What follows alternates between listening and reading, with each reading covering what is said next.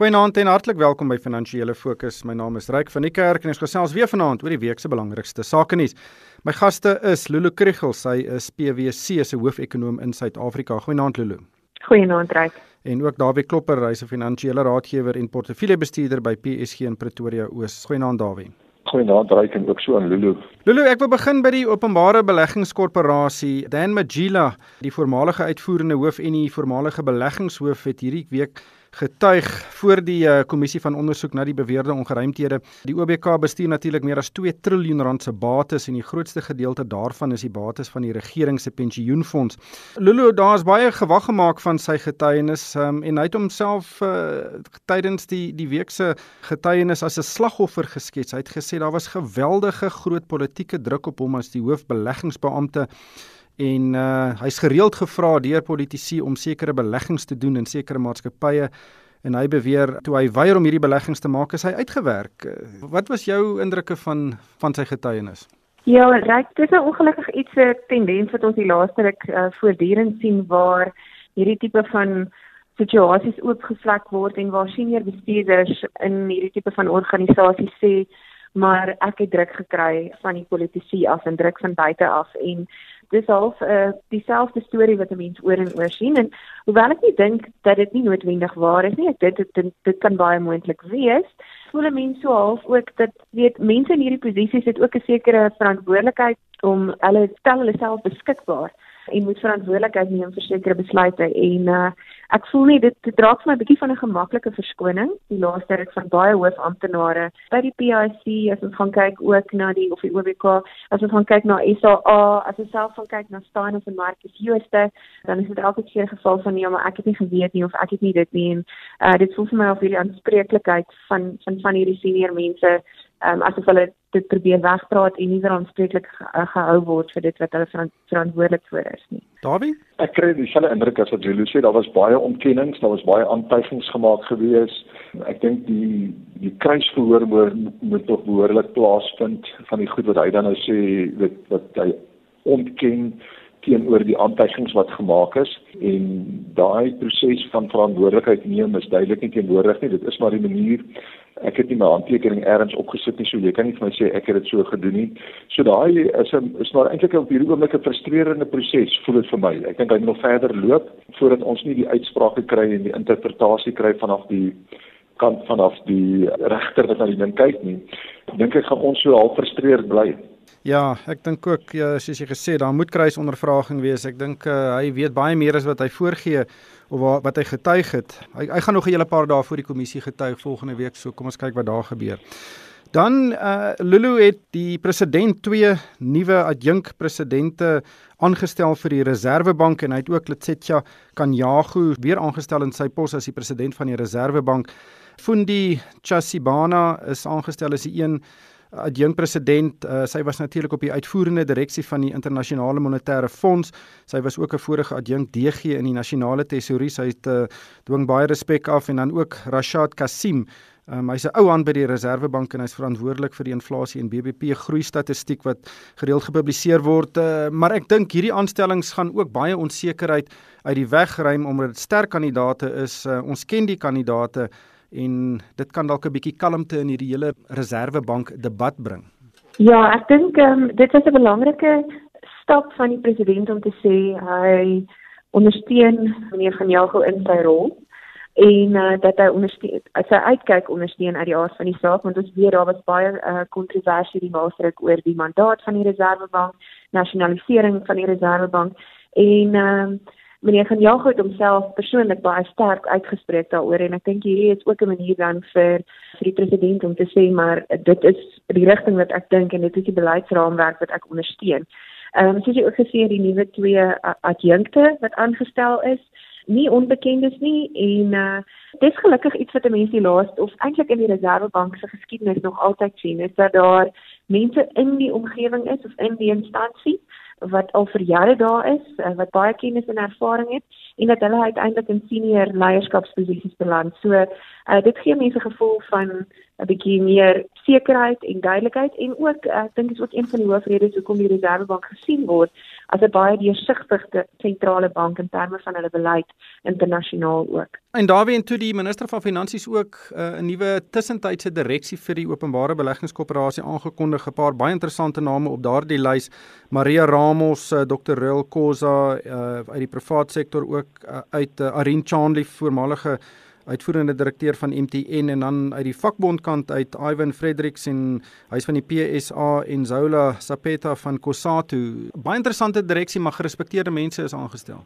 Inderdaad, en dieselfde kan ons dan natuurlik die Reservebank ook sê en natuurlik ook nou hierso sê die president is besig om stadig maar seker sy vernuwing waarmee hy besig is verder te voer en dan hierdie mense van statuur aan te stel ook dan in die openbare beleggingskoöperasie. Ook interessant daar dat hy hierdie adjunkt minister van finansies weer aangestel het om sodoende 'n bietjie verdere onafhanklikheid tussen die regering en die OBK te skep. So in alle opsigte is hierdie elke stapie wat hier geneem word op die oomblik dra dit by tot ekstra vertroue en ons sien dit ook dan op hierdie stadium op 'n manier in die rand dat ook 'n kleintjie positief daarop reageer het maar hier's 'n hele klompie goeders wat besig is om in die regte rigting te beweeg stadig maar seker. Maar daarby kyk baie mense verwag dat die president moet spring en Uh, mense moet in hegtenis geneem word. Ons moet video's sien van hoe mense met boeye uit huise gelei word om te gaan teregstaan op korrupsie en en staatskaping. Maar vir my wat uitstaan is dat die president besig is om ons instellings stelselmatig te verbeter, die Reserwebank, die vervolgingseenhede, um, en goeie mense word daar aangestel. Uh, en en en miskien kry hy nie altyd die krediet wat hy verdien nie.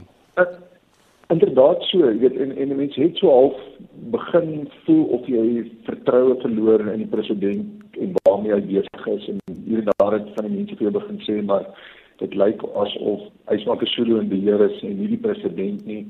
As jy bietjie verder kyk en jy sien hierdie goed raak en jy sien tog sy kabinet se samestelling raak en jy sien dat hy al hoe meer besig is om sy posisie te verstewig, dan is daai aantuiging daar dat kommernis dalk ongevraagd dan moet 'n mens dalk nie so negatief wees nie. Ja, ons wil 'n bietjie vinniger optrede sien. Ons wil graag hê dat die vervolgingsgesag moet iemand nou aankla en so het die ehm um, hoof van die vervolgingsgesag Shamida Betoy dan nou gesê sy gaan voor die einde van die maand tog 'n belangrike aankondigings maak in die verband met 'n belangrike senior persoon wel aankla sodat hele paar senior mense wat dalk bekommerd is op hierdie oomblik.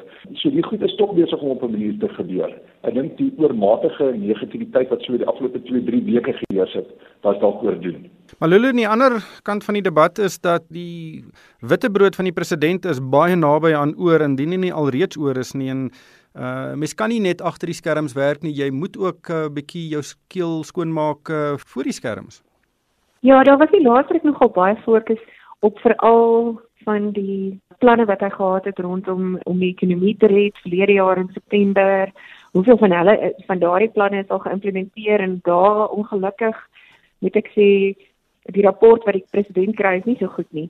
So daar begin frustrasie opbou by mense en ek kom agter dat veral in die besigheidsomgewing en uh, en van ander oorde af is daar definitief meer kritiek om te sê maar ons moet nou begin aksie sien. Ons moet nou begin sien dat dinge gebeur en uh, ons moet definitiewe stappe sien.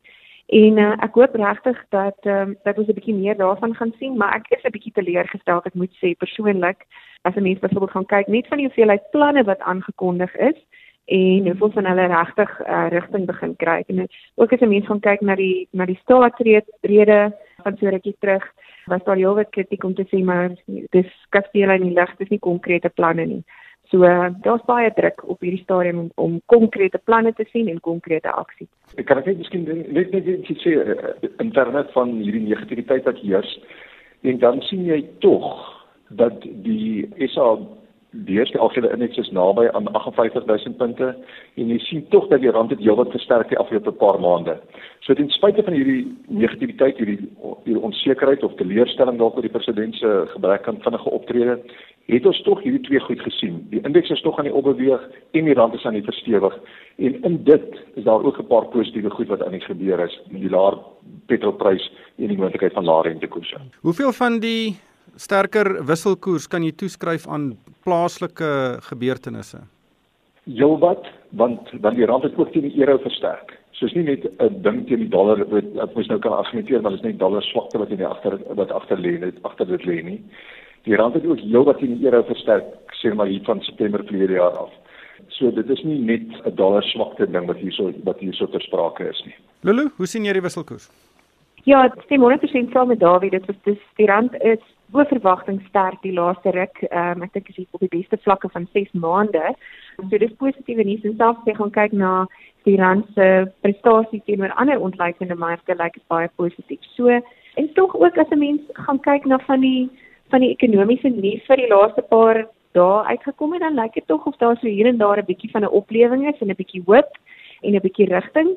Al is dit dan nou maar net omdat almal verwag na die verkiesing moet dinge rigting kry. Ons het heelwat buitelandse beleggers wat navraag doen rondom Suid-Afrika om te kyk na Suid-Afrika. So, maar dan natuurlik aan die ander kant is daar nog steeds die Moody's moontlike afgradering wat swaar oor ons kop hang, maar dit lyk op hierdie stadium of dit nie te veel van 'n van 'n bekommernis vir die rand is nie. Malulu, die uh, monetêre beleidskomitee van die Reserwebank vergader uh, hierdie week en hulle gaan met besluit oor rentekoerse. Daar is sprake dat ons dalk 'n daling kan sien in koerse. Wat verwag jy? Ja, dit is interessant as mens gaan uitwerk ons ekonome gebruik maar baie keer wat ons in die pile reël, dan sien 'n mens dat op hierdie stadium kan rentekoerse as ons 'n 4.5% inflasiekoers teiken met soveel as 100 basispunte daal. En uh, dan daar die die natuurlik wat sê maar ons moet eerder kyk na 6% en dan kan kan jy amper kyk na bykans 200 basispunte. So daar's definitief ruimte vir die Reserwebank om rentekoerse te verlaag. Die vraag is net hoe vinnig hulle dit sal doen en ek is half op hierdie stadium 'n voorstander daarvan om te sê moenie net weer met 25 25 gaan nie maar gee dalk die mark 'n bietjie van 'n positiewe skok en sê kom ons verlaag dit met 50 basispunte maar ek verwag dat hulle maar eerder die konservatiewe roete sal volg en seker maar 'n uh, verlaging van 25 basispunte sal aankondig maar in die totale siklus is daar ruimte vir omtrent 100 basispunte. Dawie Lulu verwag 'n sny. Hoe lank dink jy gaan die mes wees waarmee? Let's say ja, kan Jago en sy span dit gaan sny. Ek dink ook dalk kom 'n sny. Ek sien die markomgewing, die sogenaamde forward rate agreement mark, nou nie lekker mooi begrip daarvoor in Afrikaans nie. Verwag so 60 uh, basispunte daling in die koerse. So uh, as Lulu hier praat van 50 punte, dalk nie so ver uit nie uh, en dan nou die algemene verwagting natuurlik dat die reservebank nog soos altyd bietjie meer konservatief gaan optree as wat hulle dalk sou kon en dan afkom met 'n 25 basispunte daling nou en dan kan hulle mos oor 2 maande weer weer verder sny. So ja, die mark verwag dit dit sal amper baie negatief wees as hulle nie nou eh, met 'n rentekoers daling voor die dag kom nie. En ek dink dan hierdie debat oor die Reservebank en die onafhanklikheid van die Reservebank en die noodsaak om groei te stimuleer is nou ver genoeg agter ons gesit dat dit nie gesien gaan word as 'n reaksie op daardie eise wat gestel is nie dat dit 'n reaksie is of dat dit 'n stap is wat geneem word omdat inflasie onder beheer is en omdat die ekonomie wel tog um, ruimte het om so rentekoersdaling te te kan ontvang op hierdie stadium. Lulu, dink jy 'n rentekoersverlaging nou van sê miskien tot 'n halwe persentasiepunt kan 'n baie groot verskil maak in ons ekonomiese vooruitsigte want rentekoerse is nie eintlik of lae rentekoerse is nie 'n knoppie wat jy kan druk om groei te versnel nie. Nee, ongelukkig nie. Dit is definitief nie die mees effektiewe manier om die ekonomie te stimuleer nie en ek dink ook dit is eintlik waar ons maar na fiskale beleid moet kyk, maar daar is bitter min ruimte op hierdie stadium indien enige om fiskale beleid te gebruik om die ekonomie te stimuleer. Waar dit dalk 'n bietjie positief kan wees, is miskien rondom besigheidsvertroue uh dat dit dalk 'n bietjie daar sou help, maar as jy mens gaan kyk na die gemiddelde huishouding, dink ek nie dit gaan 'n enorme verskil maak nie. Ek dink die skuldvlakke is sodanig dat uh dit wel nie op rekordvlakke is nie, dit is nog steeds baie hoog en uh gaan baie verbruikers maar probeer om skuld te delg en hopelik en uh, maar ek dink daarom aan die besigheidsvertroue kant kan dit dalk 'n bietjie van 'n positiewe uh, nuus wees vir die mark. Net laastens Dawie ArcelorMittal, die staalvervaardiger het aangekondig hierdie week dat dit verwag om 'n reuse verlies van 600 miljoen rand te ly en dit is nadat die groep in die vorige tydperk eh, 'n uh, wins gemaak het. Uh, die groep gaan ook 2000 werknemers afdank, dis omtrent 'n vyfde van hulle totale werksmag. Um, en dit was 'n groot verrassing omdat daar 'n persepsie was dat ArcelorMittal sy regrukplan in werking gestel het en suksesvol in werking gestel het. Hoe, hoe lees jy hierdie aankondiging? Ek dink hulle moet dit sien in die omgewing van 'n baie moeilike plaaslike ekonomiese omgewing dat dit vir hulle baie swaar is op die oomblik. Ons weet ook dat die eisterertspryse het gestyg, so hulle insetkoste het gestyg en dit is dan nou hulle het allerlei kostebesparingsinisiatiewe alreeds probeer. Dit blyk dan nou nie genoeg te wees nie. Daarom word hulle nou al genoodsaak om hierdie 2000 mense af te dank. Dis bitterlik jammer dat dit moet gebeur.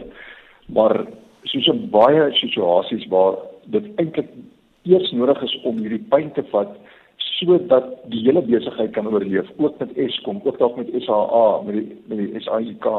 Oral is dit nodig om dalk hierdie stappe te neem eers te konsolideer en dan kan jy bou vorentoe. Dit is dalk ook vir metal nodig om dit ongelukkig te moet doen. Dit is nogal 'n skok hierdie verlies wat hulle ly, maar eh, ehm um, dit ja, en nou neem hulle stappe om dit die hoof te bied en mense moet eintlik hulle daarvoor komplimenteer dat hulle dan nou wel uiteindelik op daai punt kom waar hulle sê ons het nie keuse nie, ons moet dit doen ter wille van die groter besigheid. Baie dankie aan Lulu Kriggels. Sy is die hoofekonoom van PwC in Suid-Afrika en ook Dawie Klopper, hy's 'n finansiële raadgewer en 'n portefeuljebestuurder by PSG in Pretoria. En vir my ryk van die kerk, dankie vir die saamluister en ek hoop almal het 'n winsgewende week.